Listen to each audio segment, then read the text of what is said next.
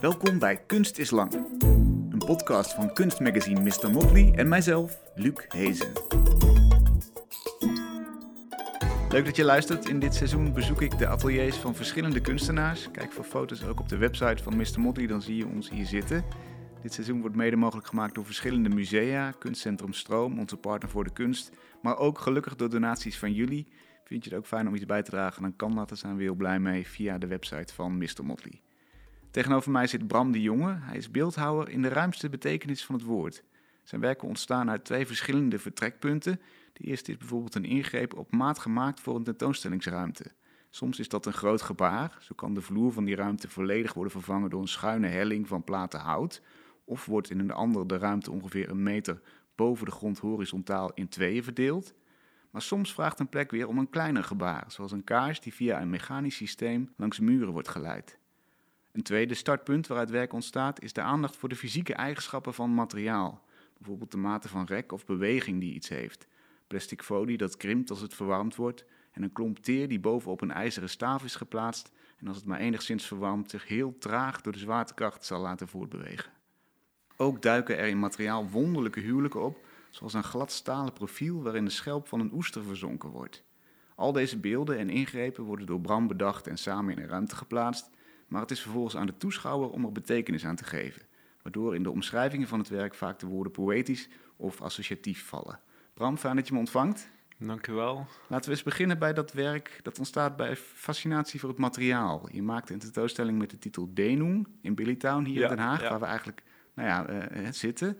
Rek of veerkracht betekent dat. Ja. Dat zit eigenlijk in elk materiaal, iets wat de warmte of kou Nou ja, uitzet. ehm, laat ons zeggen dat eh, als beeldhouwer ga je, eh, zit je natuurlijk in een hele materiële wereld te werken. Dus de eh materiaaleigenschappen en ehm, de manier van werken ehm, is altijd gelinkt aan materiaalgebruik. Hè, omdat daar het, een fysiek beeld moet uit, uit voortkomen. Ja, En ehm, toen bij Billytown, dat was toen een ander gebouw, dus niet dit gebouw. ja. Het was een oud schoolgebouw waar eh, een, eh, eigenlijk best wel een monumentale gymzaal ehm, in zat. Ehm, en die gymzaal is natuurlijk een, ehm, een compromisloze ruimte. Dat is, eh, ja, je hebt die strepen op de grond op een soort eh vinyl, of hoe heet het precies? Een soort van, ja, een soort schietachtige vloer. En dus die, die ruimte ademt de gymzaal uit. Dat blijft heel erg eh, voelbaar. Ook, eh, we hadden die ruimte best wel gestript, dus die klimrekken waren eruit. En ehm, Muren wit geverfd, hè? ja, de muren wit geverfd en zo, om, om toch een beetje dat, dat baksteen karakter weg te krijgen. Niet, niet dat dat heel erg storend was, maar ehm, het uitgangspunt dus voor Denum wa- was inderdaad, als ik allee, een terugblik naar het werk eh, keek, dan zag ik dat, het, ehm, dat bijna al de materialen waarmee ik werkte op dat moment een, een tegenovergestelde verwachting eh, opriepen. Dus een materiaal die normaal verwarmt, zet uit. Ehm, in dit geval het, het krimpplastic eh, doet het tegenovergestelde. Dus je verwarmt het en het krimpt. Eh, metaal ook. Metaal kan, ehm, als je het, het warmt, zet het ook uit en vervormt het ook. Dus ik was ook op dat moment aan het werken met een, eh, het koud aanbrengen van deuken. Dus met een hydraulische pers, dat je een, een metaalprofiel eh, in een bepaalde vorm dwingt. Mhm. Dus dat zijn eigenlijk hele klassieke beeldhouwkundige principes. Dus eh, als je een mal eh, volgiet met gips, dan eh, tijdens het stollingsproces verwarmt het, het gips ook. Dus het, het gips voelt warm aan en daardoor weet je als beeldhouwer, ah oké, nu, nu is het aan het stollen. Dus nu, nu heb ik nog een kleine marge om de laatste hoeveelheid gips toe te voegen aan de mal. En dan, moet het, dan mag je er niet meer aankomen, anders mislukt het chemisch proces en eh, stolt het niet voldoende. Dus dat zijn principes die eigenlijk ook wel ehm, tijdens het maakproces vaak eh, een gids zijn in het werk. Mhm. En ehm, op dat moment was ik, dat was 2018, was ik heel erg bezig met ehm, hoe ook een dus bewegend beeld, dus niet eh, film, ook geen video, maar een filmisch beeld. Dus eigenlijk een beeld die uh, wel referenties heeft binnen film, die ook referenties heeft binnen video, maar die geïsoleerd is van het geluid. Uh, en wat ook eigen is aan, aan, um, aan, film, is natuurlijk tekst, het tekstbeeld aan zich. Dus dat isolement, dus het lostrekken van die, die drie elementen, dus tekst als een ondertiteling, uh, het geluid, uh, die dus een soort sfeer ook kan oproepen, en het beeld. Die drie elementen heb ik volledig losgetrokken en zijn eigenlijk, uh, werden drie losse onderdelen in die ruimte. En dan heb je het eigenlijk over de fysieke eigenschappen van in ieder geval van dat plastic en, en, Ja. en van, van het ijzer.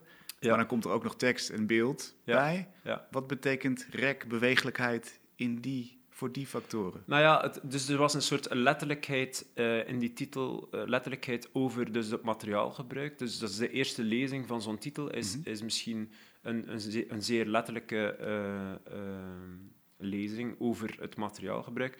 Maar dat zit, zit hem ook natuurlijk in ehm, de, de perceptie, hoe iets gezien wordt. Dus er zit een enorme rek eh, op eh, het begrip van een beeld. Dus je kunt een beeld zien en door het associatief vermogen van de toeschouwer eh, ziet die toeschouwer ehm, meer dan het beeld alleen, omwille van zijn herinneringen of omwille van zijn ehm, ervaring met, met het kijken naar beelden, zie je dus ook andere dingen. Of kun je dat plaatsen in een ruimere context. Ehm, en dat is eigenlijk, daar zit een, een enorme rek op. En die rek is eigenlijk super interessant als beeldend kunstenaar, want ehm, dat is ook het, het, ehm, het rekgebied in, in je eigen vermogen om te kijken. Want eh, je maakt iets en dan is het er, en dan laat je het dus over aan de toeschouwer. En Ja. daar zit een, een gigantische rek. En, en dus die, die titel gaat ook daarover natuurlijk. En is het voor jou belangrijk dat je weet waar de rek, onge- wat ongeveer de rijkwijde van de rek is, om het zo maar te zeggen? Het wordt een Ehm, beetje abstract, maar Ja, ja, dat is eigenlijk wel eh, het geval. Ehm, het heeft natuurlijk ook altijd te maken met een soort inschatting. Dus, ehm, dus als we het weer letterlijk over het materiaal hebben, laat je een bepaalde transformatie toe binnen het materiaal. Mhm. Maar je hebt wel een soort. ehm, eh, een, een bepaalde intentie die, die je voor. eh, die, die je dus eigenlijk op voorhand bepaalt. En dan die, die rek of die, die eh, toegelaten transformatie, Mhm. dat, dat is, er zit inderdaad wel een soort marge. Ehm, je wil niet te veel eh, transformatie, want dan, eh, dan gaat het misschien heel an- dan wordt het- eh, Natuurlijk laat je de transformatie toe, maar je wil natuurlijk ook die transformatie ehm, op een goede manier ehm, hanteren, zodat het ook kan leiden tot vernieuwing binnen het werk. ja. Dus als het een eigen leven leidt, dan ehm, moet je daarvoor openstaan. Maar je kunt natuurlijk niet eeuwig die transformatie laten plaatsvinden, omdat het dan ophoudt. Dus dat, dat is het, het, eh, het interessante spanningsveld waar je altijd eh, mee kampt als kunstenaar. En zo is het bij betekenis ook. Ja, bij betekenis is dat ook natuurlijk. Je Ja. kunt heel graag een betekenis in een werk willen leggen, maar ehm, eh, dat is natuurlijk een inschatting van de kunstenaar. En het, en het publiek ziet toch vaak iets anders. En dat is, dat is een... eh, ja, dat, dat, dat vraagt wat ervaring. Je, je, je moet dat oefenen. Dat is iets die eh, door de jaren heen snap je beter en beter hoe je een beeld kunt opbouwen en wat een mogelijk bereik is naar de toeschouwer. En wat is daarin een doel? Wat, eh, als je zegt het, het, het vergt ervaring, na een aantal jaren weet je dat steeds beter. Wat is dan het Ja. doel? Wanneer, wanneer zit je in de, in de bullseye?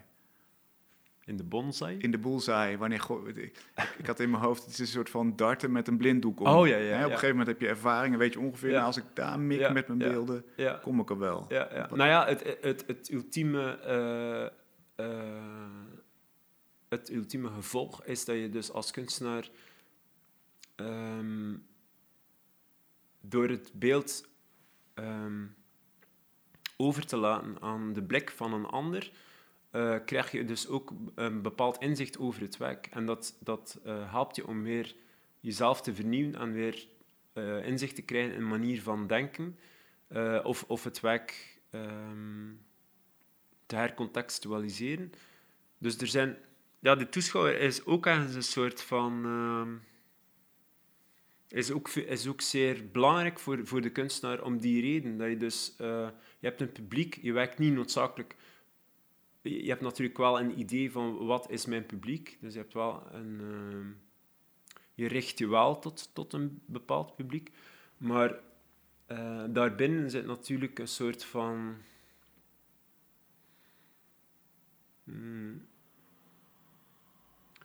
een mogelijkheid dat, die, uh, dat je als kunstenaar onderuit gaat. En mhm. die onder, dat risico in het onderuitgaan is eigenlijk heel, heel goed. Dus je stelt jezelf eh, bloot aan, uh, aan een kritische blik. Dat verwacht je van een, van een toeschouwer. En die helpt je dan om, om bepaalde principes binnen je denken ook uh, onderuit te halen. Waardoor dat je zeg van, ach, ja, dat is eigenlijk wel waar. Uh, misschien is die, die abstractie of de letterlijkheid van een bepaald werk dus misschien helemaal niet constructief binnen het werk. Heb je een voorbeeld van wanneer het heel goed gelukt is? Wanneer je dacht, ja, dit is de optimale... Uh... De wisselwerking met de toeschouwer. Ja, dit is het optimale effect wat een werk heeft bereikt, voor mij, bij een toeschouwer. Um, nou ja, um, het falen van een werk uh, is mij duidelijk geworden door, door, um, door de reactie van een toeschouwer, bijvoorbeeld. Ik had een, um, een idee in uh, ja, 2016 was dat. Dat was een zwevende waterpas. Dus een, uh, ja, zo'n zo'n spirit level in het Engels. En um, dat was eigenlijk een heel mooi idee, dacht ik zelf vond ik, vond ik zelf een heel goed idee. En toen ben ik dus gaan zoeken naar een technische oplossing om echt, het echt, zo'n waterpas echt te laten zweven. Um, een paar centimeter boven de grond. Dus met een elektromagnetisch uh, spanningsveld. En is een soort levitatie van die waterpas. Mhm. En hij, hij, moet dan ook waterpas zweven. Dat is het hele idee uh, die daar vooraf, lag, vooraf aan zat was eigenlijk uh, dat de wolken vol regen zitten. En, um, dus een waterpas wekt met water en een luchtbel. En, uh, dus dat was een beetje eh, de achterliggende gedachte. En toen, bij de executie of bij het, het uitvoeren van het werk, ben ik eigenlijk de mist ingegaan door zo ver te gaan. Ik had het helemaal nooit moeten uitvoeren, want daardoor krijg je een soort van je haalt elke mystieke laag van het werk weg door het uit te voeren. Hmm. Dus mensen stellen zich de vraag, hoe zweeft het? En niet waarom zweeft het? En dat was, mijn, dat was echt het falen. Ik dacht, oh, wat een verschrikking. Dit werk is het ergste wat ik ooit gedaan heb. Omdat het, het was echt valikant mislukt. Omdat iedereen vroeg, oh, hoe heb je dat gedaan? En uh, dus het wordt een soort magie uh, die de fouten die eigenlijk het denken niet meer uh, stimuleert. Ja, de foute nadruk legt. Ja, foute nadruk, inderdaad. dus daar heb ik veel van geleerd. Dus dat, dat, dat kun je alleen maar um, zien in een ontmoeting met een toeschouwer. Dat je dus daar het iets... iets uh, het wordt plots duidelijk. Och, wat heb ik gedaan? En dan weet je dus in de toekomst dat je, dat je soms de puurheid van een idee uh, niet mag overstemmen. Want dat is inderdaad belangrijk. Als, je, als je dit voorbeeld omdraait, fijner is dan dat er mensen komen die zeggen: Ik vind het fantastisch, maar ik snap het niet. Of, of, of ik blijf ermee ja. bezig. Dat is eigenlijk, het zou mooier zijn. Ja, dat vind, vind ik altijd uh, een. Uh, kijk, wanneer, wanneer een. Um, ik denk, het rationele begrijpen is één deel, maar je hebt ook een, een, het voelen, het, het emotionele pakket van kijken naar kunst. Dus dat is. Um, je kunt natuurlijk door uh, de kunstgeschiedenis uh, iets heel goed kaderen, heel goed een uh, context opbouwen omheen een werk. Maar het kan dodelijk saai zijn. Ja. En als kunstenaar is dus die. die um, wat je dus leert op een academie, het, het historisch koppelen en het nadenken over het werk, in relatie tot andere werken, tot andere kunstenaars, tot andere visies. Dat is één ding. Maar dan het ehm, tot een soort van platitude herleiden door die context, dat is een ander uh, gegeven. Dus dat is de, de grote moeilijkheid binnen mijn werk, of misschien bij, binnen, binnen iedereen zijn werk, is dat je dus uh, een, een, evenwicht moet vinden in um, ja, de graad van, van uitwerking van een idee of, of een concept of een basisbeginsel. En um, ja, de toeschouwer heeft mij dat eigenlijk al geleerd. Ja. Dus je, je ziet ook wel de manier waarop mensen kijken uh, ik vind onbegrip of uh, een bepaalde hoeveelheid onbegrip is belangrijk in een werk, omdat je uh, het gaat onbewust nazinderen in, in het hoofd van de toeschouwer. De toeschouwer stelt zich vragen, maar waarom doet die kunstenaar dat? Wat, wat, is, wat is eigenlijk het punt? Wat, wat, waar gaat het over? En het is natuurlijk de, aan de kunstenaar om daarin dan een aantal leidraden te bieden door middel van het geheel die omheen het werk zit. Dus soms is de tentoonstellingscontext, dus de, misschien zelfs de titel van de tentoonstelling, uh, misschien de wisselwerking tussen verschillende individuele werken, uh, die, die bepalen een soort begrip over het werk. Ook de titel van het werk kan een hulpmiddel zijn om een leidraad te bieden, waardoor dat de, kunst, de, de, de toeschouwer een bepaalde hoeveelheid tot uh, informatie tot zich krijgt die net voldoende is, zodat er toch een verwondering kan plaatsvinden. Of, of, of op zijn minst een vraagstelling. Maar dat vind ik eigenlijk het meest interessante, wanneer vragen ontstaan. En die vragen, als die teruggekoppeld worden naar mij, dat vind ik natuurlijk nog fijner. Dus dat, dat, is, dat is wel heel goed. Dat, daar hou ik van. Zit hetzelfde proces, vindt dat hier plaats, hier zo in je, in je atelier, voordat je dingen maakt? Moet die verwondering ook door jouw hoofd stromen voordat je, voordat je zegt, dit werk is goed? Of snap jij helemaal hoe het gaat werken en nee. zet je het neer en, ja. moet daar plaatsvinden? Nou, uh, ik denk dat het als uh, het begrip van het werk vindt plaats in de studio tot een zekere hoogte. Maar je hebt altijd die, die laatste onzekerheid en risiconame en ook een vleugje angst die je moet overwinnen om het effectief te tonen. Hmm. Uh, en dan opnieuw, uh, de tijd die er dan overgaat na, na die tentoonstelling of na het presenteren van het werk, na verloop van tijd kun je dan terugblikken op het werk en zeggen: Ah, oké, okay, ja, misschien was dit of dat toch geen goede beslissing. Of uh, het, het, werk werkt niet. Of, uh, dat, zie, dat kun je nooit helemaal inschatten in je, in je studio. Nee. Eigenlijk, ik ben ervan overtuigd dat, uh, dat je het beter niet kunt beheersen. Want dat lijkt heel paradoxaal binnen een artistiek proces. Op het moment dat je weet wat de uitkomst al is op voorhand, dan ben je bijna een designproduct aan het maken. Mm. Of zo. Dus eigenlijk het, het openstaan voor toevalligheden of um, uh, opties, mogelijkheden binnen het werk, dat is iets die je niet a priori kunt uh, bedenken.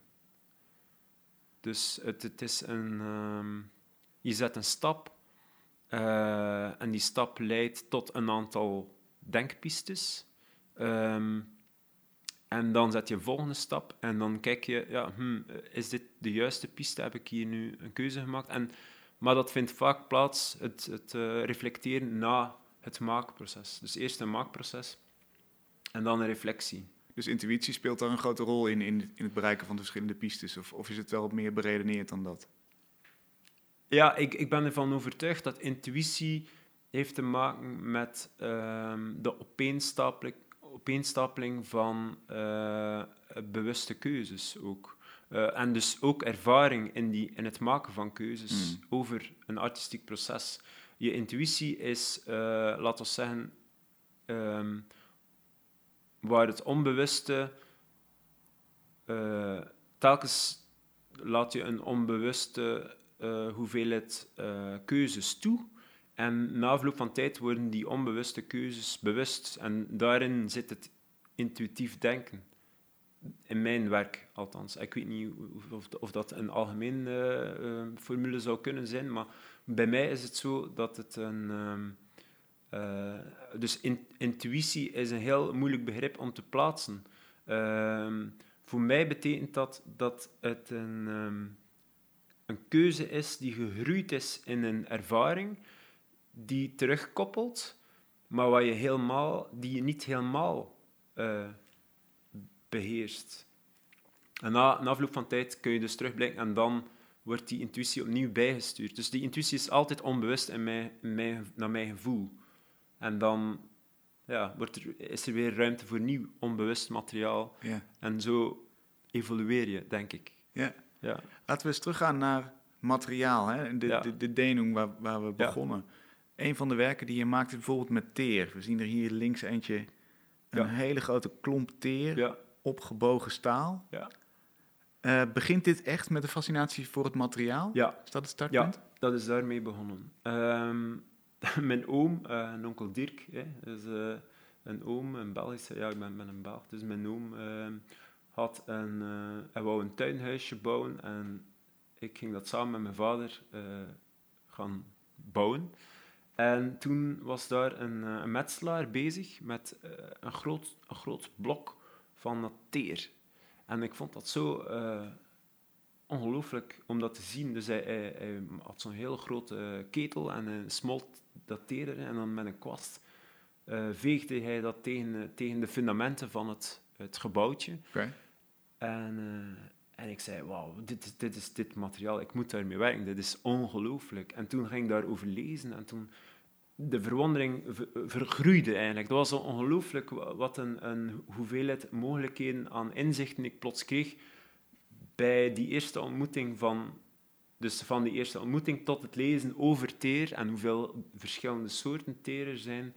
En ook het historische gebruik van teer. Hè. Dus dat in de middeleeuwen werd het al gebruikt, maar ook in de oertijd eh, werd er een soort van eh, houtskool. eh, dus het residu wat overblijft van het verbranden van hout, een soort, een soort teer eigenlijk, die gebruikten ze als lijm om speerpunten vast te zetten in de oertijd al. Dus dat, dat heeft eigenlijk, dat is een heel oud materiaal. Ook de Egyptenaren gebruikten dat om, om dingen waterdicht te maken. Het, ook in de scheepsbouw wordt het nog steeds gebruikt voor Mhm. het eh, behandelen van de romp van een, een schip. En zo verder en zo voort. Het heeft een... een eh, en dit is eh, teer die eigenlijk het, een petroleumderivaat is. Dus je hebt verschillende types teer. De werking is ongeveer hetzelfde, maar... eh, ehm, dus nu wordt dat eh, als een soort residu van, eh, ja, van olie en, en petroleum en zo. Dus dat is eigenlijk een heel schadelijk materiaal ook. Ja. En, eh, maar het mooie vond ik, is een, een experiment die ik eigenlijk las op, op internet. En dat heet de Pitch Drop Experiment. Dat is dus een, een klompje teer die het langstlopende experiment in de geschiedenis is. Dus dat is een, een klein eh, klompje teer in een trechtertje, een glazen trechter, Uh-huh. in een, ehm, in een atmosfeerneutrale ruimte. Dus dat wil zeggen dat de druk eh, en temperatuursverschillen constant zijn.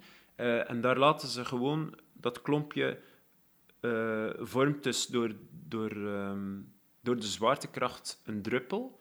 En die druppels vallen dan en om de zoveel jaar... Dus wanneer zo'n druppel valt, dat wordt opgetekend in, een, in, in het experiment, eh, in een boek. En ze zijn nu aan de twaalfde of dertiende druppel. En dat experiment is van 1800. Dus dat is best wel... Ik vind het een heel interessant eh, gegeven. Dus de zwaartekracht werkt in op, op het materiaal. En dat is geen constante. Dat vind ik zo mooi. Dus soms zit er zeven jaar tussen, soms zit er elf jaar tussen elke druppel.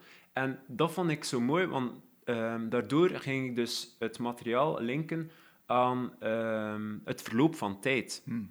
En dacht ik, oh, dit is mooi. Ik heb al van als kind een enorme moeite met het lezen van de klok. Ik vind nog steeds, ah, ik ben, ik ben altijd op tijd en zo, maar ik vind het heel moeilijk eh, hoe we eh, het begrip van tijd vatten en hoe we daar een systeem omheen gebouwd hebben. En, en, en ik kan het moeilijk snappen. En toen dacht ik, wauw, dit materiaal is een soort van... eh, ver- verpersoonlijking van de tijd. Omdat het, eh, de tijd, dus de tijd, de, de zwaartekracht werkt in op dat materiaal en vormt een druppel. En dat is zelfs in atmosfeerneutrale omstandigheden, wat dan wetenschappelijk gezien wordt als een, als een, een ideale testomstandigheid. Ja, waar reproduceerbaarheid ja, kan plaatsvinden, hè, omdat het altijd hetzelfde blijft. En, ehm, en toen ging ik daarmee spelen met dat idee van... Het is bijna een zandloper.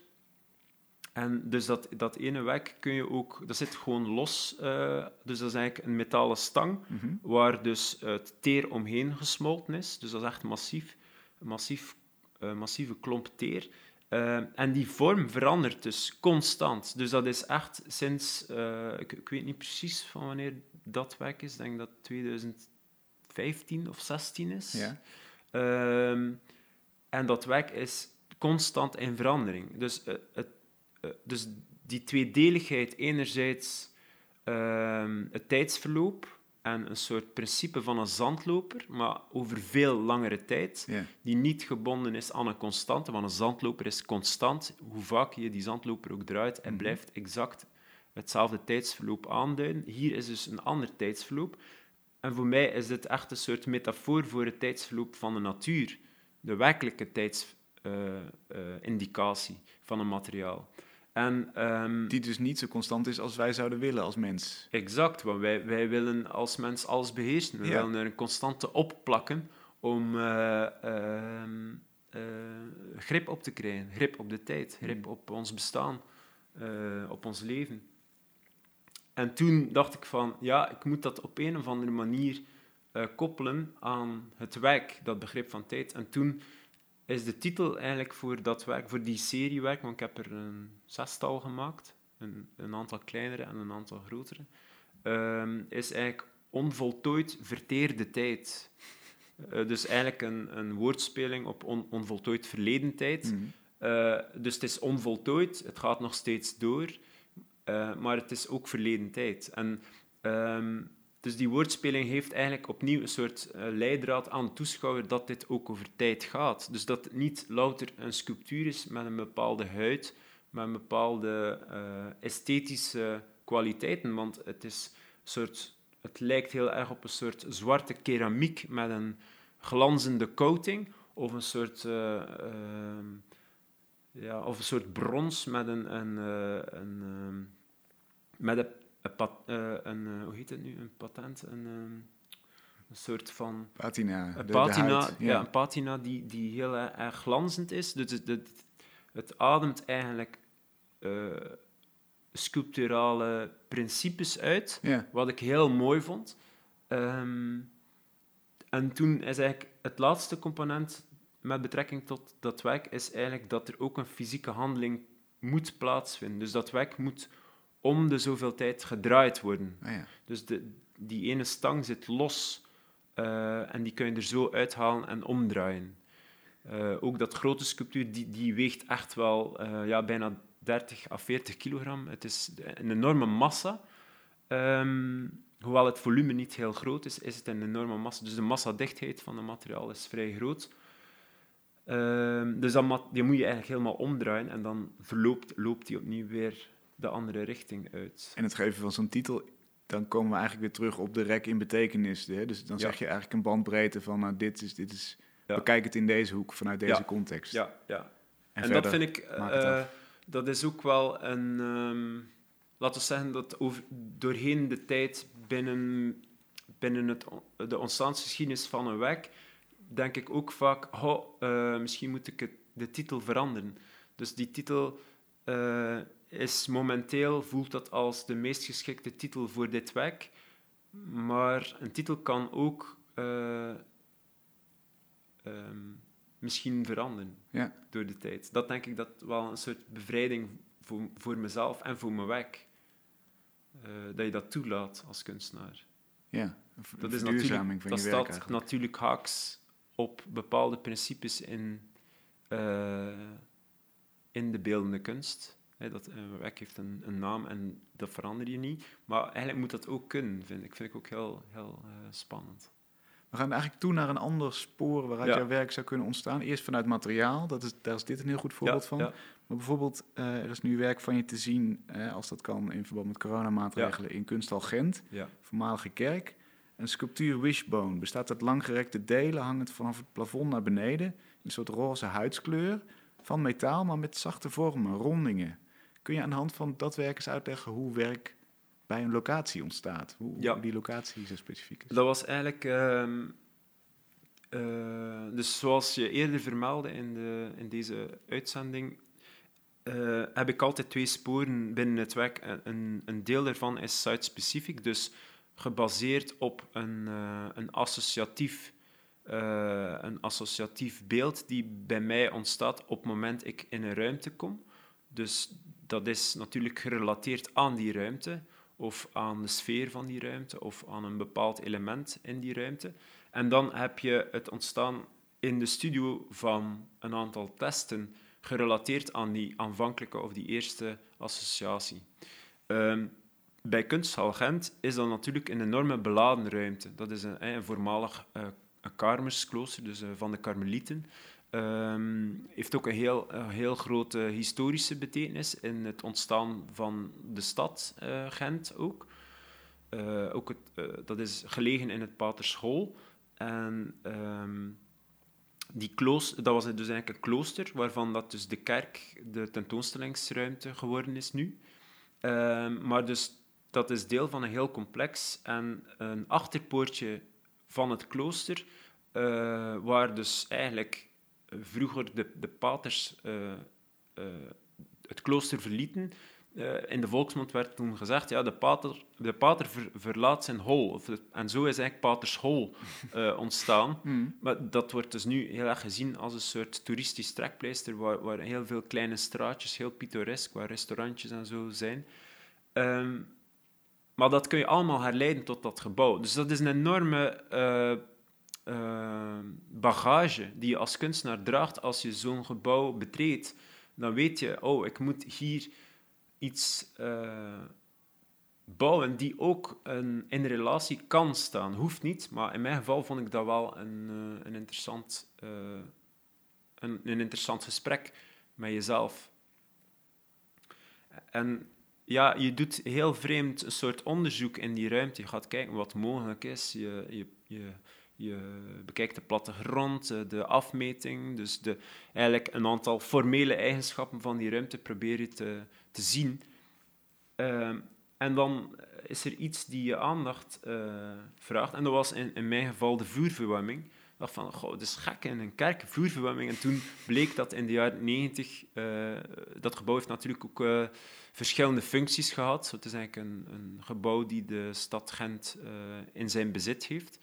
En ehm, in de jaren 90 eh, hebben ze daar dus vloerverwarming in, in gestoken. Wat Boven, bovenop de graven. Op, op de graven. Bovenop de graven. Dus in, in een kerk werden voorname, men- allee, voorname eh, leden van eh, de kerk werden, werden begraven in de kerk. Ja. Hè? Dus de bisschop en het graaf en, en zo verder enzovoort. ja. En dat vond ik echt waanzinnig. Ik dacht, wauw, dit is gewoon een conceptueel kunstwerk, als je daarover nadenkt. Dus dat er graven zijn die, die niet geruimd zijn, maar die gewoon daarbovenop hebben ze op die vloer eh, vloerverwarming gelegd. Een dikke laag vloerverwarming. Dus de meest Met- vooraanstaande kerkelijke en misschien burgers wel, die kijken naar een systeem van, Ja. van buizen waar Ja. warm water doorheen gaat. Ja, Allee, ik vond het vooral eh, spannend dat er dus een soort van eh, een wisselwerking is. Dus dat die het, eh, eh, meestal ook de referentie of misschien de associatie, iets dat warm is, is levend, iets dat koud is. Eh, als je dood bent, dan heb je, ben je koud. Ja. Of, eh, eh, eh, dus die, die, die vloerverwarming die daarboven, en die dus eigenlijk deel van die ondergrond ook mee verwarmt, maar ook de mensen die op die vloer staan verwarmt. Vond ik een heel mooi principe. En dan de uitwisseling tussen... Dat is meer een soort metafysisch eh, idee, wat, wat je dus wetenschappelijk niet echt kunt onderbouwen. Dus er zijn ook, ook wel vraagstellingen. Maar water kan natuurlijk bepaalde... eh, neemt bepaalde ja, eigenschappen uit de lucht ook wel over en zo. Dus niet dat dat eh, een on, onschendbaar iets is. Water is natuurlijk gevoelig voor, neemt alles op. Hmm. Dus dat, maar natuurlijk, wetenschappelijk kun je daar... het geheugen van water heb je het dan geheugen van water, zo maar dat het is genoemd. natuurlijk, Ja. wordt daar, is dat uh, betwistbaar. Dat is niet, je kunt dat eigenlijk bijna niet onderbouwen. Weten, ze weten wel dat, de, dat er een bepaalde kristalvorming kan plaatsvinden in water uh, onder invloed van trillingen en dat dat uh, kan veranderen. En dat er ook een soort geheugen zit in de vorming van die kristal. Maar dus dat, natuurlijk, dus dat gegeven uh, moeten we toch loslaten in het begrip van die vloerverwarming, omdat dat zo ver afstaat van, van het uiteindelijke werk of zo. Hmm. Maar die vloerverwarming aan zich dacht van, goh, dat is wel echt heel knap. Dat deed me heel erg denken aan conceptuele kunst uit de jaren 70 uh, of begin, allee, eind jaren 60. Dat ik dacht van, wauw, dat is heel knap. Zo'n uh, een kunstenaar die zoiets bedenkt vanuit de, of dan de mensen die ongewild vanuit de pragmatische manier van denken daar vloervorming in die ruimte gestoken hebben, die dan eigenlijk een conceptueel kunstenaar uh, eigenlijk waren in die tijd. Maar alleen wordt het niet als dusdanig gezien als kunst, omdat het op dat moment geen ruimte was voor kunst. Yeah. Dus dat is ook wel interessant. Dus op het moment dat zo'n een, um, een ruimte een institutioneel karakter krijgt, ga je dus ook alles binnen dat institutionele manier van denken uh, herzien. Dus die vloervorming krijgt plots een soort uh, meerwaarde, krijgt plots een soort conceptuele laag die het eigenlijk helemaal nooit gehad heeft.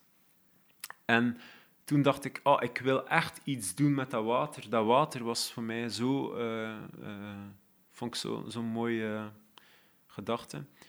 En toen ben ik beginnen zoeken, ja, moet ik werkelijk met het water aan zich als materiaal werken? Hè? Dus, dan denk je direct aan een fontein of het gebruik van water.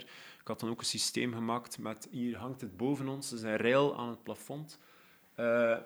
Met een um, transportsysteem mm -hmm. die een emmer water doorheen de ruimte trekt. Dus ah, ja. van, van links naar rechts en dat gaat eeuwig door, een emmer water. En die, uh, die emmer is gevuld tot aan de rand en hij sleept over de vloer, waardoor het er telkens een klein beetje zo gemorst wordt.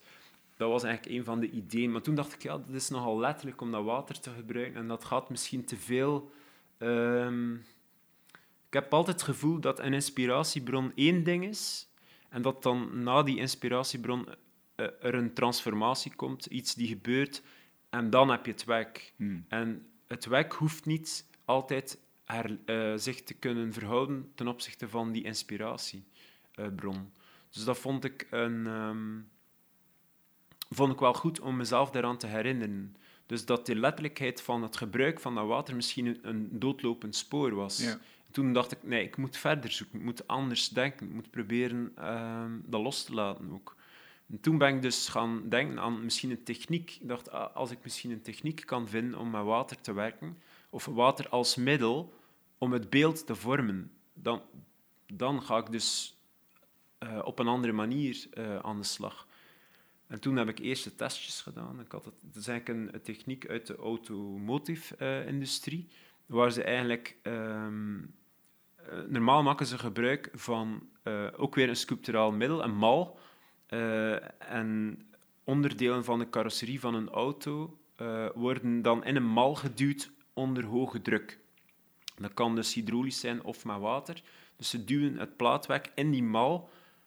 dus dat is een gesloten mal waar die plaat ingeschoven wordt en dan met water wordt die precies in die vorm gedrukt. Um, zoals je een taartje in de oven bakt en dan steekt dat in zo'n vormpje en dan krijg je een taartje die precies die vorm aanneemt. Zo, dat principe eigenlijk. Ehm, maar ik vond dat zo mooi, omdat dus ook weer een sculpturaal eh, principe eh, van zo'n industrie die dan... eh, en toen ben ik daarmee gaan experimenteren om, om die techniek te hanteren, maar zonder beperking of zonder dat ik als kunstenaar een mal bepaal, waarin dus dat die vorm die bepaald wordt niet door mij als kunstenaar opgelegd is.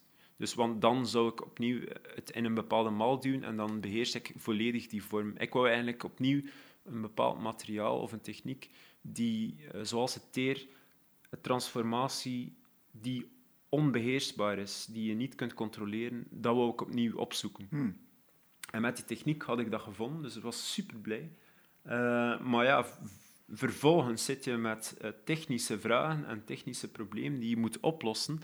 Ehm, dus je hebt eigenlijk twee metalen platen, eh, die je dus, waarin dat je wel een vorm bepaalt. Dus daar heb je wel een contour die dus volledig tweedimensionaal is. Die teken ik uit op een metalen plaat, die staan daar achter je. Dat zijn gewone platen, metaal, die, die zaag ik dan uit met een decoupeerzaag. Mhm. En dan las ik ze helemaal rondom rond. Met een elektrodenlaspost las ik die helemaal rondom rond, eh, die naad dicht. En is wel natuurlijk een, eh, een toevoer voor het water. Maar als zo'n vorm, eh, de eerste testjes die ik daarmee gedaan had, dat was, het was zo fascinerend en mysterieus ook, dat je iets die zo hard is, die zo stijf is, en materiaal als ijzer laat zich niet makkelijk transformeren, dat zo'n, door, door middel van water, water die we zo hard nodig hebben ook, hè, dat dat zo makkelijk transformeert. En dat was, het is precies zoals een ballon die opblaast. Je ziet het voor je ogen gebeuren. En het eindresultaat, als, de, de, als er dus te veel spanning op het materiaal komt, dan barst het open waar eh, de lasnaad zit, omdat een lasnaad is nooit perfect natuurlijk. Dus daar zit ook het zwakste deel, zeker omdat die beweging of die transformatie, daar komt ook een rek. Dus het materiaal wordt ook dunner door de rek. Zoals een ballon die je opblaast. De- Mhm. het materiaal zelf wordt ook dunner. En dan spuit het eruit. Maar dat, het hele schouwspel... Ja, ik moest aan een zwembad, dus ik heb hier dan een zwembad gebouwd.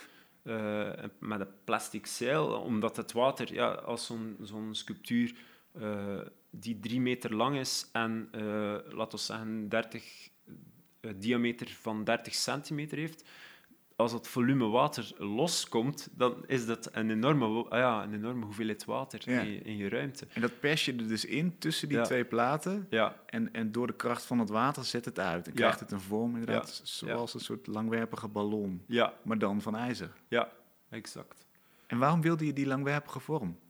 Ja, ehm, ik heb eigenlijk ook testjes gedaan met een, ehm, eh, dus een, een, een ander type eh, sculptuur, ander type vorm, een andere vorm en taal. Eh, maar de, als je water laat stromen, eh, of, of, of je hebt natte handen en je laat het water afdruppelen, dan werkt de zwaartekracht daar ook op in en wordt het ook lang.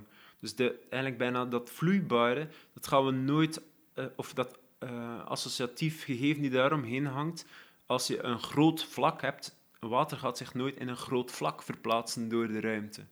Ehm, en dan, dus dan ehm, werd dat eigenlijk een beetje de leidraad. Want dat zijn allemaal beslissingen die, die je dus echt intuïtief neemt, waar ik eigenlijk ook nog niet echt antwoorden op heb. Dat ik dat dus ook nog moet eh, ontdekken. Waarom, eh, ja, waarom die keuze, dat, dat kan ik nog niet helemaal plaatsen. Misschien in de tijd zal ik dat wel kunnen plaatsen, maar nu... Maar gestuurd door het materiaal eigenlijk. Ja, het materiaal stuurt het, maar ik heb het, ehm, laten we zeggen, ik vind het altijd een slecht idee als het materiaal je dirigeert. Hmm. Dus ik heb het wel geprobeerd. Er zijn ook een aantal dat ik gewoon, als, die liggen er daar achter je, die in stukken gezaagd zijn, die heel breed, die veel breder waren.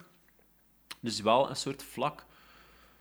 Ehm, dus ik vind het altijd een slecht idee als het materiaal eh, de, de beperking van het materiaal jou beperkt binnen de creatie, dat, dat mag geen, in geen geval eh, plaatsvinden. Dus dan moet je maar grotere platen vinden of eh, andere manieren om water daartussen te drukken. Een grotere compressor of een grotere, allee, een andere manier van denken. Maar eh, om dan, dan laat je innovatie toe in het werk. Als je, als je uitgaat van wat je hebt, dat kan natuurlijk ook. Er zijn ook kunstenaars die binnen de beperking van dat materiaal blijven. Ehm, dat kan even goed, maar voor mij werkt dat niet, omdat je dan eh, dus die vrijheidsgedachte in het werk, ehm, daar moet je soms bepaalde euvels overkomen. Je hebt bepaalde die strijd met dat materiaal, maar ook met wat wil ik eigenlijk in het materiaal leggen. Daar zit dus inderdaad ook weer een soort van eh, eh, spanning. Ja. Ja. Het zijn schitterende vormen geworden. Eh, hoe, hoe, hoe kijk je erop terug nu ze daar hangen? Ja. Hoe ehm, werken ze in die hele context van, van de graven eronder, van de vloerverwarming? Eigenlijk niet. Eh, Ze werken nee, niet. Als je eerlijk bent, dan... eh, ik ben, ben wel heel tevreden. Dat is wel iets wat ik moet zeggen, is dat...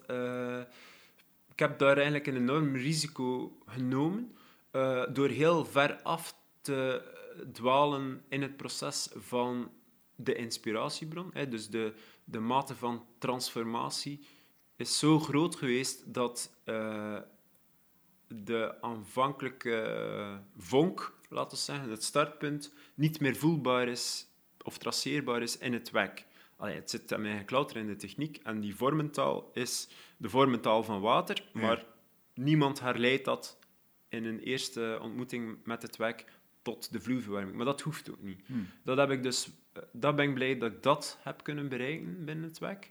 Want ehm, daardoor neem je wel als kunstenaar ook een enorm risico. Want ja, eh, waar gaat het dan over? Of, eh, dus dat is eigenlijk een heel academische manier van denken. Dat je als, eh, ik ben zo opgevoed in een academie, laten we zeggen. Mijn, ehm, tijdens mijn studies werd altijd gezegd van ja, je moet vanuit een, een bepaald concept naar een bepaalde vorm werken. En dat is nat- natuurlijk nog steeds een geldige, een goede, legitieme reden om te werken vanuit een idee en dan een vorm of een medium zoeken die die, die conceptuele taal uitademt en eh, waar je mee iets kunt zeggen. Maar het kan evengoed andersom. Het kan ook eh, dat je vanuit het materiaal werkt en geleidelijk aan een inhoud ontdekt die vastkleeft aan het materiaal. Eh, zoals bij dat teerwerk is dat eigenlijk ook zo ontstaan. Ehm, vervolgens zijn er ook, laten we zeggen, ehm, ehm, eh, nog wisselwerkingen tussen die twee methodiek eh, verschillen. Dus je hebt eh, het materiaal aan zich, je hebt het concept die een leidraad kan zijn, maar het kan ook nog een wisselwerking zijn. En dit is eigenlijk een soort voorbeeld voor mij van hoe het ook nog anders kan binnen mijn werk. Ook plots de kleur, een kleur die in mijn werk kwam, dat heb ik daarvoor nog nooit eh, gebruikt. Dus dat een soort roze,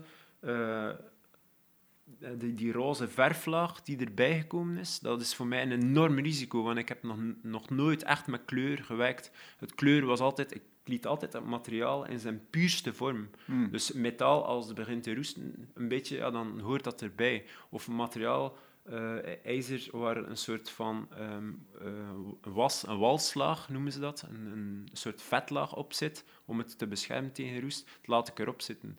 Ehm, dus ik ga nooit veresthetiseren. In dit geval is het wel gebeurd, omdat ik, eh, omdat ik dus ook een beetje in de clinch lag met mezelf. Omdat ik dacht van, die techniek wordt, eh, om te verwijzen naar die zwevende waterpas, eh, waar ik dus merkte van, oh, ik ga te ver in mijn idee. Dus als je een, een, een te grote techniciteit in het werk toelaat als kunstenaar, merk je dat eh, de techniciteit kan soms te veel vragen oproepen en daardoor het, de zeggingskracht van een werk teniet doen. Mhm. En dat wou ik dus voorkomen. En dus dacht ik, eh, het heeft een extra laag nodig, een extra transformatie, die de materialiteit kan omver, omverwerpen. Dus dat de, de kleurkeuze, dat roze, dat hele zachte, staat in schril contrast met het ijzer die hard is en die... eh, eh, ja, de, de, de hardheid van het materiaal. Het is Ja. totaal... Dus de kleur is letterlijk verzachtend en, en Ja. letterlijk een, een deken over eh, Ja. hoe opvallend het materiaal kan zijn. Ja, exact. En ehm, misschien ook het, het spanningsveld. Ehm, wat, wat, een- wat een enorme moeilijkheid daarin is, is dat je wil voorkomen dat het materiaal zich anders, eh, of dat het een illusie wekt van een, eh, van een ander materiaal. Dat wil ik helemaal niet. Dat is weer iets anders.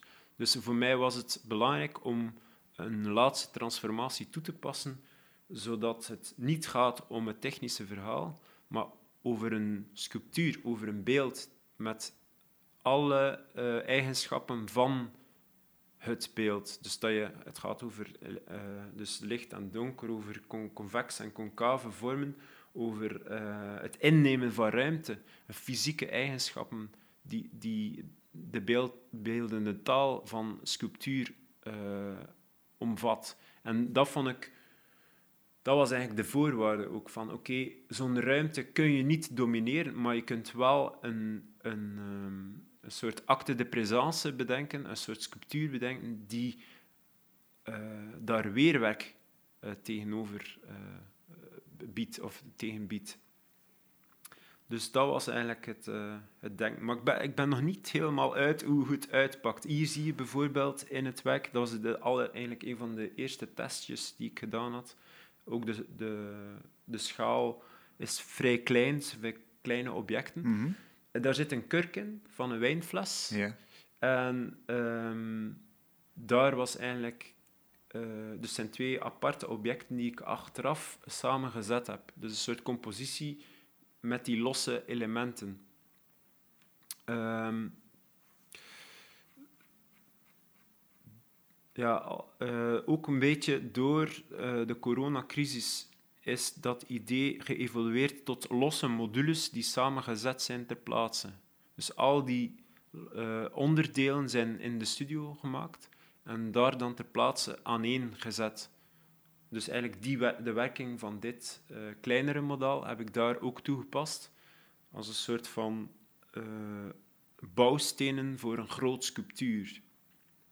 En um, een van de eerste um, zij, uh, allee, dus, zijgedachtes, dus Ja. de hoofdgedachte en een zijgedachte, was dat het um, een soort performatieve actie moest zijn. Dus dat uh, dat de toeschouwer binnenkomt en het platte sculptuur, dus het tweedimensionale werk, in één geheel, dus één enorme vorm, die dan opgeblazen wordt terwijl de toeschouwer binnenkomt of er is. Dus dat sculptuur, omdat het zo magisch is, ik iedere keer opnieuw verwonderde me dat hoe prachtig dat die vervorming die plaatsvindt met dat water. Ik dacht, dit, dit moet ik eigenlijk doen. Dat Ja. is eigenlijk waar het werk over gaat. En ehm, dus dat was eigenlijk het plan van, ja, ik wil dit tonen aan de toeschouwer. En het eindresultaat van die performatieve handeling is een sculptuur. En nu is dit, eh, werd, is het, eh, werd het een, ehm, louter een sculptuur. Dus de performatieve handeling of de actie die daarvoor plaatsvond in het maakproces, was nu helemaal niet zichtbaar. Wie weet, na de coronacrisis, Ja, toch? Ja. Het, het denken gaat door Ja. en het, het, het doen van voorstellen en, en pistes ja, in de ontwikkeling. ja. ja. En dat, eh, dat gaat hopelijk nog een, eh, nog een tijdje door, dus dat komt alweer. Ja. Dankjewel, Bram. Oké, dankjewel, Luc. Tot zover Kunst is Lang. Wij zijn er volgende week weer. Tot dan.